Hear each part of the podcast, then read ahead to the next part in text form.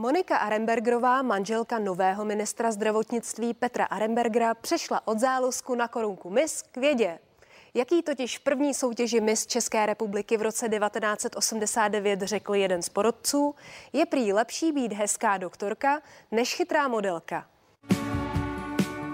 Já jsem byla takový soutěživý typ, já jsem prostě jakoby ráda sbírala různá ocenění ze soutěží a když, se, když jsem viděla, že se vypsala tahle soutěž, tak to pro mě byl spíš takový jako experiment. Už tenkrát jsem věděla, že se budu hlásit na lékařskou fakultu. Jak mi říkal tenkrát Rudolf Křesťan, tak vždycky eh, je lepší být hezká doktorka než chytrá modelka, to je, to je asi na nic. Po absolvování první lékařské fakulty Univerzity Karlovy pokračovala studiem na Ústavu biochemie a experimentální onkologie. V roce 1998 odjela na stipendijní pobyt do Berlína, kde získala doktorát.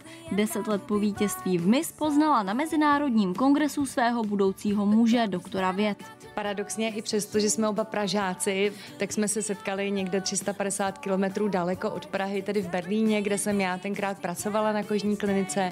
Eh, on tam přijel vlastně na tu konferenci jako účastník a prostě mi tam pokládal nějaké takové docela zajímavé otázky, byl takový docela dotíravý se svými dotazy a pak jsem zjistila, že je zatím něco jiného. Po svatbě spolu manželé Armbergerovi začali pracovat na dermatovenerologickém oddělení Královské nemocnice na Vinohradech. Eh, celých těch 20 let jsme víceméně tady pracovali spolu, protože on je zároveň přednostou této kliniky.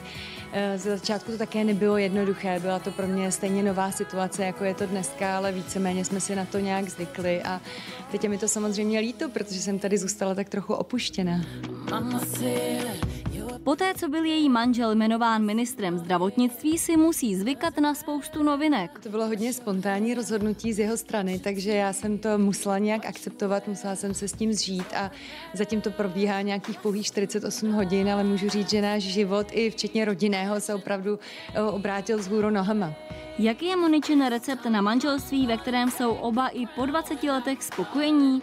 Já myslím, že v každém lékařském eh, manželství, které má eh, klapat eh, úspěšně, tak prostě je potřeba zejména tolerance vůči tomu druhému partnerovi, vůči jeho práci, vůči jeho koníčkům. A čím si lékařka, která letos oslavila 50, udržuje mladiství vzhled?